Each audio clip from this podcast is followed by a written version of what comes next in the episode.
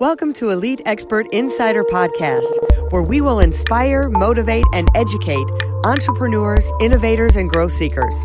Brought to you by Elite Online Publishing, making the best and brightest in the industry number one best selling authors.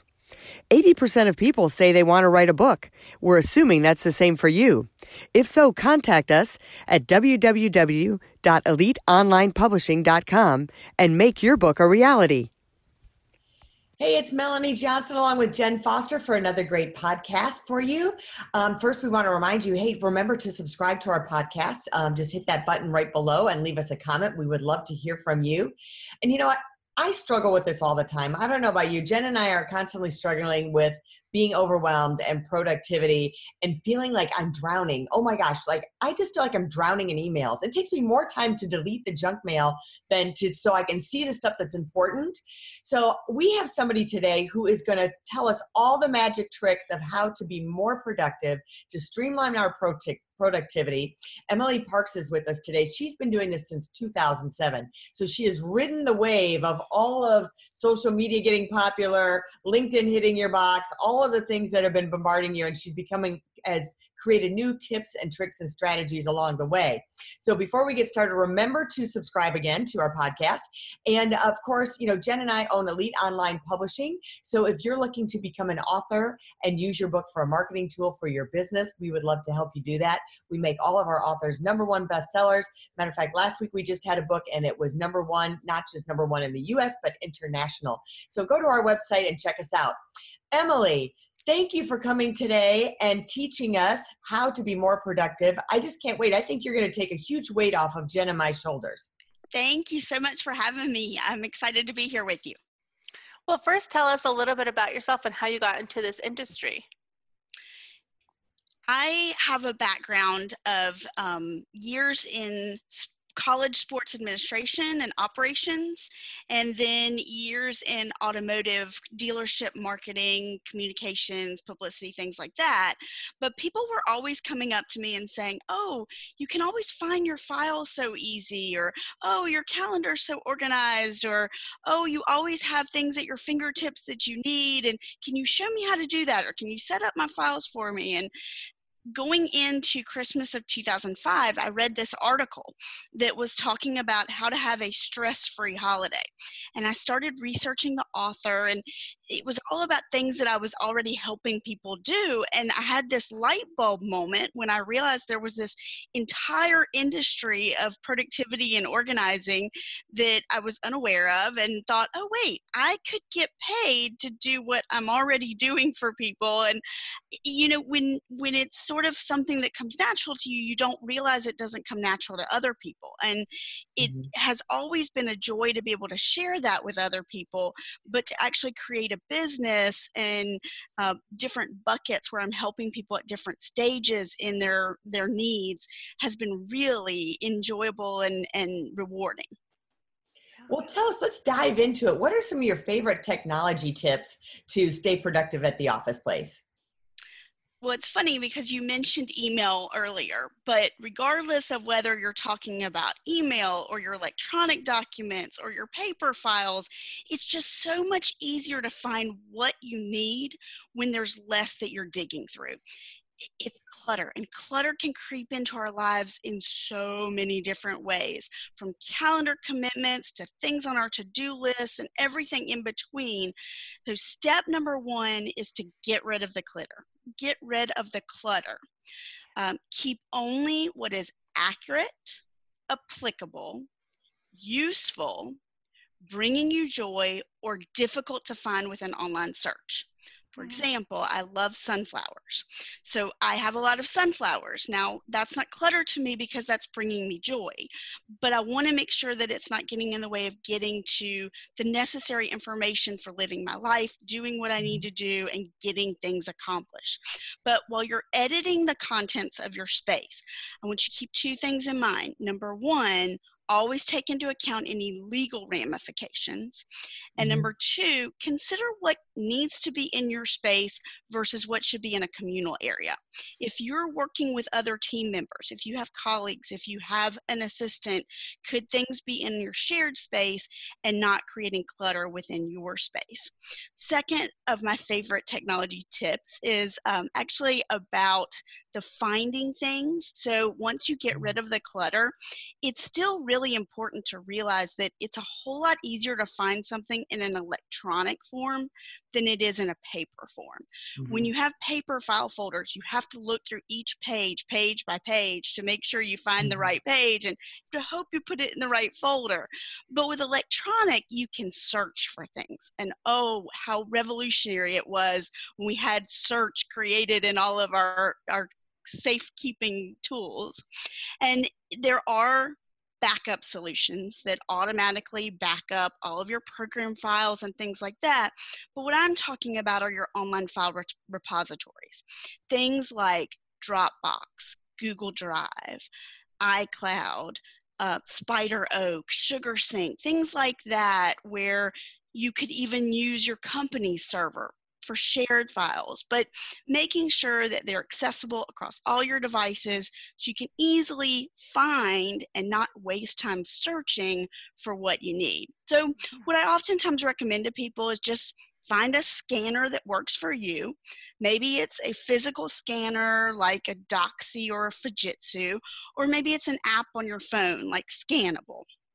And then last, as far as the technology tips that I thrive on each day, is assign homes. You'll oftentimes hear organizers say, oh, put it in its home, or make sure at the end of the day you put it back in its home. But the key is when you know where that electronic file is living, or if you know what folder that email goes into, you can more easily find it later. And as you're yeah. doing this, particularly with the physical items in your workspace, take mm-hmm. into account the safety considerations because you don't want to create a tripping hazard or have cables across your workspace and things like that that would really distract you from getting things done. Yeah, we actually just had this yesterday. We couldn't find a document in our files and I couldn't remember the name of it. So it wasn't that it wasn't in the right place, it was that I couldn't remember the name. and we had called it something weird, like instead of mastermind, we called it forum or something. And finally, I remembered I had printed it out for a class that I did and found it in a drawer that I had put it with the other printables that I printed. And it was right where I had left it. And then I, I was like, oh, now I can easily find it. And I went, typed in forum, and there it was. so I just couldn't remember the name. That's how it goes sometimes. But it's like magic when those triggers yeah. go in our head and we go, oh, wait, that's the word. That's the naming convention that I used. Right, right. Well, tell us a little bit of that email clutter. You know, I mean, we get so bombarded with so many emails. I think, I mean, some days I wake up and I have, you know, 93 emails. And and of course some are subscriptions i've subscribed to some are spam and some are actual real clients emailing me so how do we filter through all that chaos what kind of tips do you have for us Oh, I'm so glad you asked about email because the average American mm-hmm. worker right now gets about 150 emails a day. Wow. Most of my clients are averaging between 300 and 500 emails a day. Wow. So they come to me and they go, Emily, how can I even read all of these, let alone yeah. respond to all of these? So, first is to cut down on the amount of emails coming into your inbox. Mm-hmm I always suggest unsubscribe from subscriptions that you're no longer reading. Maybe it was appropriate for your life and your needs when you signed up for it, but maybe life has changed or maybe you got subscribed to it by buying something from a company or doing business with someone and well you don't need that nudge towards buying another dress or another set of shoes and so maybe unsubscribing for that would help. But whatever the reason if you aren't reading the emails they're only creating clutter in your inbox so unsubscribe. Then it sounds sort of counterintuitive, but think about the fact that the fewer emails you send out, then the fewer emails you get back in. If you're going back and forth with someone, I sort of have this unwritten rule that if it's more than two times of going back and forth, I need to just pick up the phone and talk to them. because it's creating excess clutter in my inbox. If I need to have a written documentation of that conversation, I can just send them a confirmation after the phone call saying, Oh, it was great talking to you. Here's what I took away from that conversation. But if I keep the conversation going on via email, the discussion just creates clutter. But email clutter doesn't stop with the messages you're getting in. There's also the email clutter of what's kept in your inbox. I've been brought into clients' offices when there's 70,000, 80,000, 100,000 emails in their inbox. And so there's so much time and energy spent just getting distracted by the visual clutter not to mention the time it takes to dig through those to find out what needs their attention. Eh, how can you get things done when you're reading and rereading and reprocessing information? So I have a very strong challenge for each of you as well as all of your listeners. I want to encourage you to switch from checking your email to actually processing what's coming into your inbox. Hmm. Don't look at your inbox until you're really ready to address what's newly arrived. That means don't pick up your phone, skim what's coming in, and respond to only what you consider the hot topics. I want you to look at it and actually Move the emails that require action to your to do list. Move the time commitments to your calendar. Move those emails that you just want to keep for later reference into your folders and trash what you don't want to keep. Those items that are no longer accurate, applicable, useful, bringing you joy. Get rid of them. And then as you're processing your inbox, think strategically about those folders. If you have too many folders, that's just more clutter. That's more mm-hmm. places for things to hide. There's this nice balancing act of if you have enough folders for everything to have a home, but not so many that they're too specific or there's duplication, then you don't have to think, okay, where am I going to put this so that I can find it later? If I put it in this folder, I might not think of it, but it could go in this folder. The fewer folders you have and the more simplistic your filing system is, then the mm-hmm. easier it is to know where to put the email and where to find it later. Yeah, I love That's that. Great advice and you know we've had an instance where we've had um, a team that we've been working with. So there's been uh, jen and i plus four other people. So we've got six people. And the email sometimes i open up my email i'm like oh my gosh there's 20 emails from all the different people on this team project. And some are just okay thanks that was great or i have a quick question and it's just overwhelming to me. I feel like i just want to yeah. go in and delete them all you know? It's like if it's yeah. just not pertinent like i don't need to have a thank you in there how do you deal with um, a team of people that are working on a project? Any suggestions for that? So, step one when you're pulling a team together to work on a project is to establish the email etiquette guidelines. Things like be considerate about reply all. Does everybody on the recipient list really mm-hmm. need to receive this message that you're sending everybody? Mm-hmm. Also, the courtesies of thank you or got it or those kind of things, does that really require an email? Or could it be the next time you see each other, thanks for this? Mm-hmm. Or um, maybe you set up, if, if you want to make sure the person's received it, you set up a read receipt so that you yourself get confirmation they read it, but not everybody has to be mm-hmm. able to get that. Mm-hmm. Um, but making sure that people within the team are consistent and cognizant of the impact of communication so that they are short, sweet, to the point, and communicating only what needs to be communicated. And one shorthand that really is helpful for people is if it's one sentence, rather than putting it in the body of the email, you can use the subject line and then just put EOM at the end of it. So it's end of message. Mm. That way, people know they don't even need to open it, they can deal with the message straight from the subject line.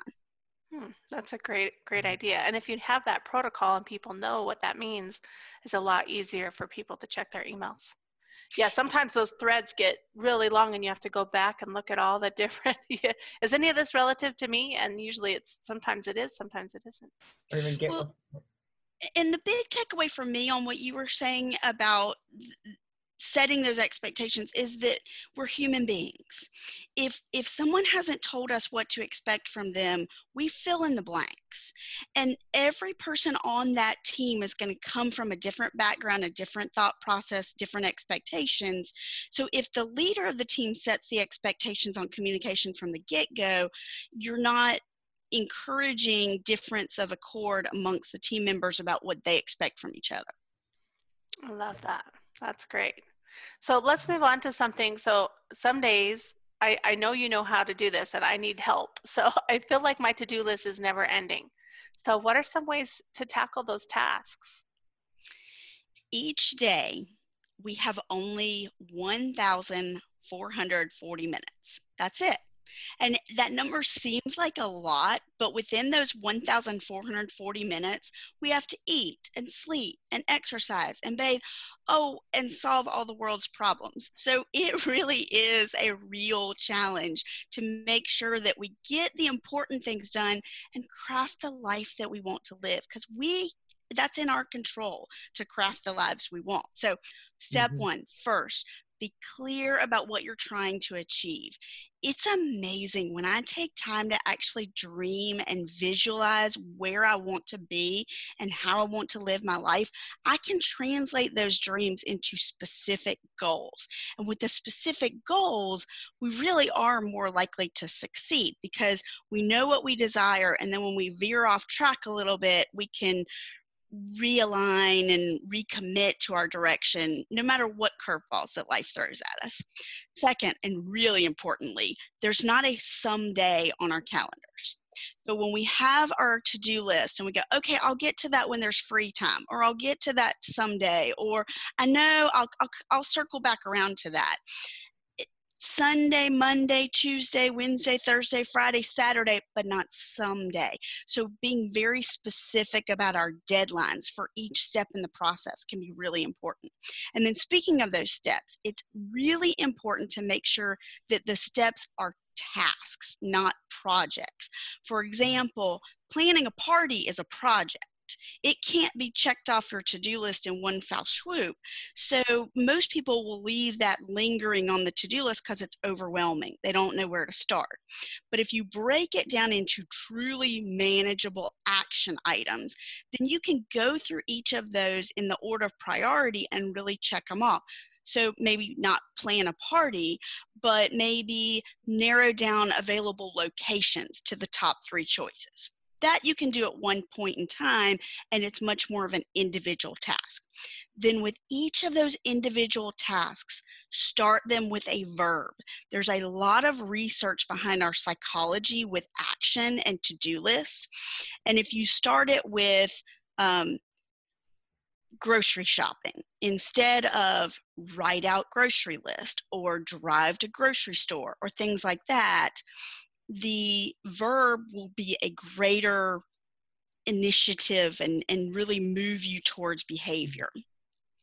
Then, when you're writing out those tasks, make sure that you sort of have an idea as far as how long each is going to take.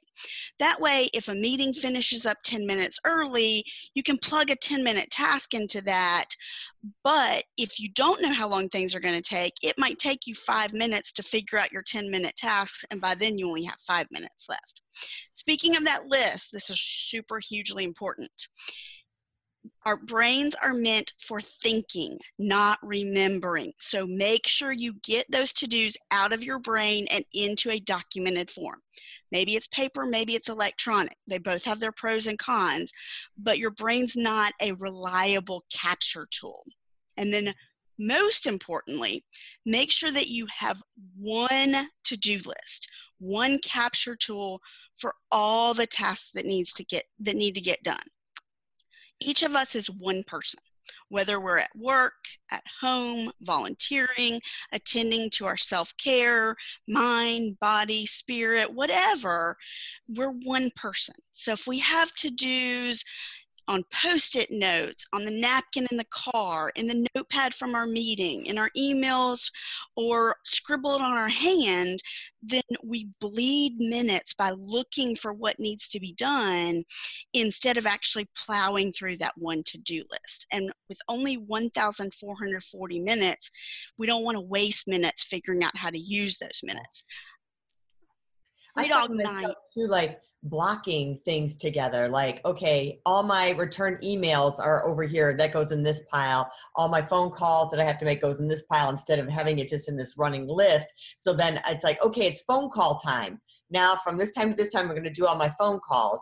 And I find that so much helpful. And I love about the verb that you said. I think that's even great for sales when you're trying to connect with clients and sending that email out. That's more effective to say it's that call to action. This is what I want you to do. Um, you know, putting that on there. So that's great. We've had things that you can do to clean out your space, get rid of your clutter in your physical space, just kind of to recap here, assign everything a home. And my big thing is keeping it in its home. I get a little lazy and I think, oh, it doesn't go back in its space. You know, I'm looking for some tips too to organize for us, like what Jen was saying. Gosh, I couldn't remember what I called this thing. So is it having that overall category for things like in Google Drive or in Dropbox or in Evernote, having your categories, the things that can go in that you can find it easier. What are tips for like, oh my gosh, I know I created this document, but I don't know what it is or what I called it or where to find it? Well, it, when you're sharing files between the two of you or any team atmosphere, this first step is to communicate what are the what are the words that we typically would use with this particular project or this particular type of file and then create what I call a naming convention. So this is the order of those keywords we're going to put into the name of this type of file. This is the order for this type of file. Um, maybe for podcast recordings, it would be year, then month and then actual subject of the podcast or mm-hmm. person being interviewed in the podcast but making sure that there's communication so that you can create consistency and then using the words that y'all use when you converse because yeah. if you're using that in conversation you can more likely find it. Then also keep in mind that depending on the platform you're using you may also have the ability to search within the document. For example if you have a pdf in dropbox you can actually search all the words in it instead of just searching for the name of the document. Gotcha Makes sense. Well, you gave us so, so much information today. I love it. And just going back again, you know, make sure that you've got um, those groups that you use verbs, that you're um, setting up everything, and um, and the email thing is it. I'm telling you, is invaluable. Look up a video for someone if you have Gmail or you have Yahoo, whatever email service you have, of how to set up those categories and, and take filters, her. Yeah. We're going to go through and clean up all of our. I have way too many folders. Yeah, unsubscribe and filter your emails into folders. yes, yes. So tell us where we can find you and people can get more information from you, Emily. Oh, ladies, I'm so glad this was helpful. And I like to provide useful content for people that they can truly implement immediately with solutions. So some of that is through my website, which is organize for success.biz like i want to organize for success. And i you can find directly from my website links to each of my social media platforms. I'm active across many different places like facebook linkedin twitter instagram. And then i also have a blog as well as a resources page. Uh, both are accessible from my website and both provide free ongoing tips for everybody Great. Well, we'll put that link up at the bottom of this video for those watching on YouTube. And those that are listening, it's say it again one more time organize for, for success. success. Dot biz. biz. Yes, all right. you are correct. Great. So those that are listening, you can go to that website and get all those tools. Thank you so much, Emily, for being here. Thank you, ladies. This was wonderful. I appreciate it. Terrific. Well, remember to subscribe to our podcast because we're always giving you great information to educate you, motivate you, um, inspire you, and make you more successful. So uh, make sure you tune in, leave us a note, and always subscribe to our podcast. And if you're looking to write a book and becoming a best selling author, contact Elite Online Publishing. They'll teach you how to market your book and use it for your business to get even more clients. We'll see you next time. Bye. If you'd like to create the most powerful advertising tool for your business, contact us at eliteonlinepublishing.com, where we will help you create, publish, and make your book a number one bestseller and show you how to get new leads and more revenue for your business. If you'd like to check us out on our Facebook page, we have a free book for you as our gift. Just go and click free book. Remember to subscribe and leave a comment for our podcast. We would love to hear from you.